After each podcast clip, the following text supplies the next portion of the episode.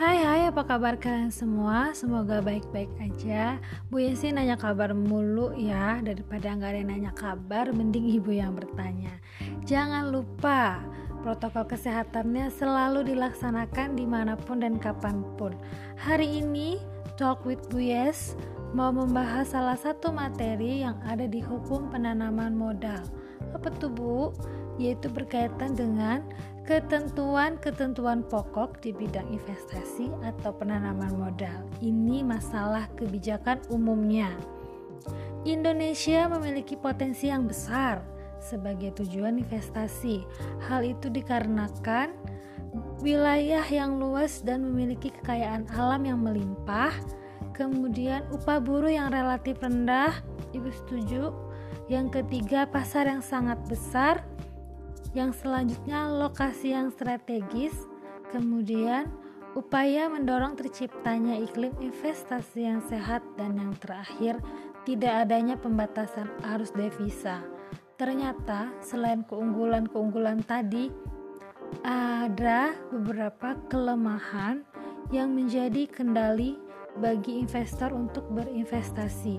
Kelemahan tersebut pertama kurangnya keterampilan tenaga kerja.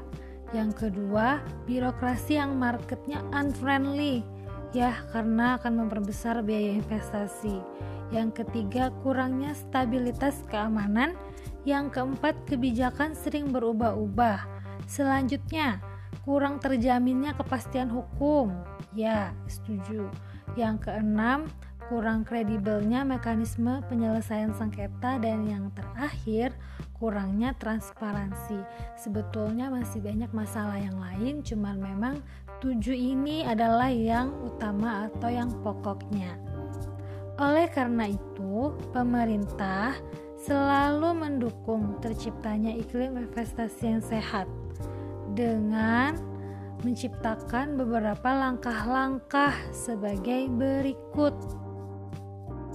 Yang pertama, menyederhanakan proses dan tata cara perizinan investasi. Yang kedua, memperluas bidang-bidang usaha yang dapat dimasuki investasi asing. Yang ketiga, memberikan insentif bagi investor baik pajak maupun non-pajak. Yang keempat, mengembangkan kawasan-kawasan investasi. Yang kelima, menyempurnakan produk hukum yang mendukung iklim investasi yang sehat. Misalnya, memberlakukan Undang-Undang Nomor 4 Tahun 98 tentang penetapan Perpu atas Undang-Undang Kepailitan. Undang-Undang Nomor 5 Tahun 99 tentang larangan praktik monopoli dan persaingan usaha tidak sehat. Kemudian ada Undang-Undang Nomor 8 Tahun 99 tentang perlindungan konsumen. Langkah yang keenam, menyempurnakan proses penegakan hukum dan penyelesaian sengketa yang efektif dan adil.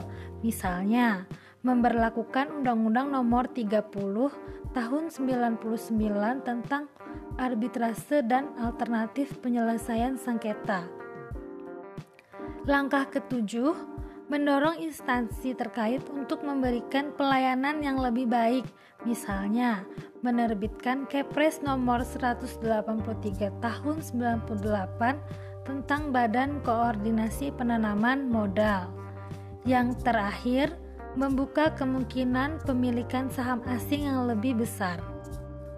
Nah, langkah-langkah untuk mendorong iklim investasi tersebut di antaranya adalah melalui penerbitan Undang-Undang Nomor 25 Tahun 2007 tentang penanaman modal yang cukup market friendly, bersahabat ya.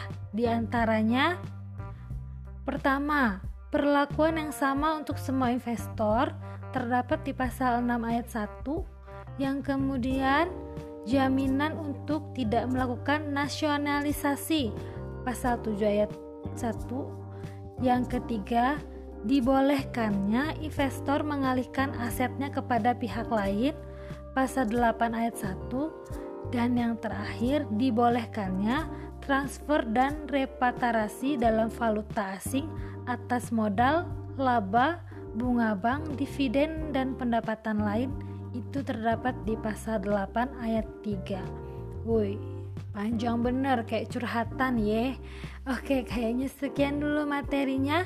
Kalau ada yang tidak jelas, boleh nanti ditanya dengan Bu Yesi melalui grup ya, dibuka selebar-lebarnya apa yang mau ditanya, apa yang tidak jelas, apa yang kurang.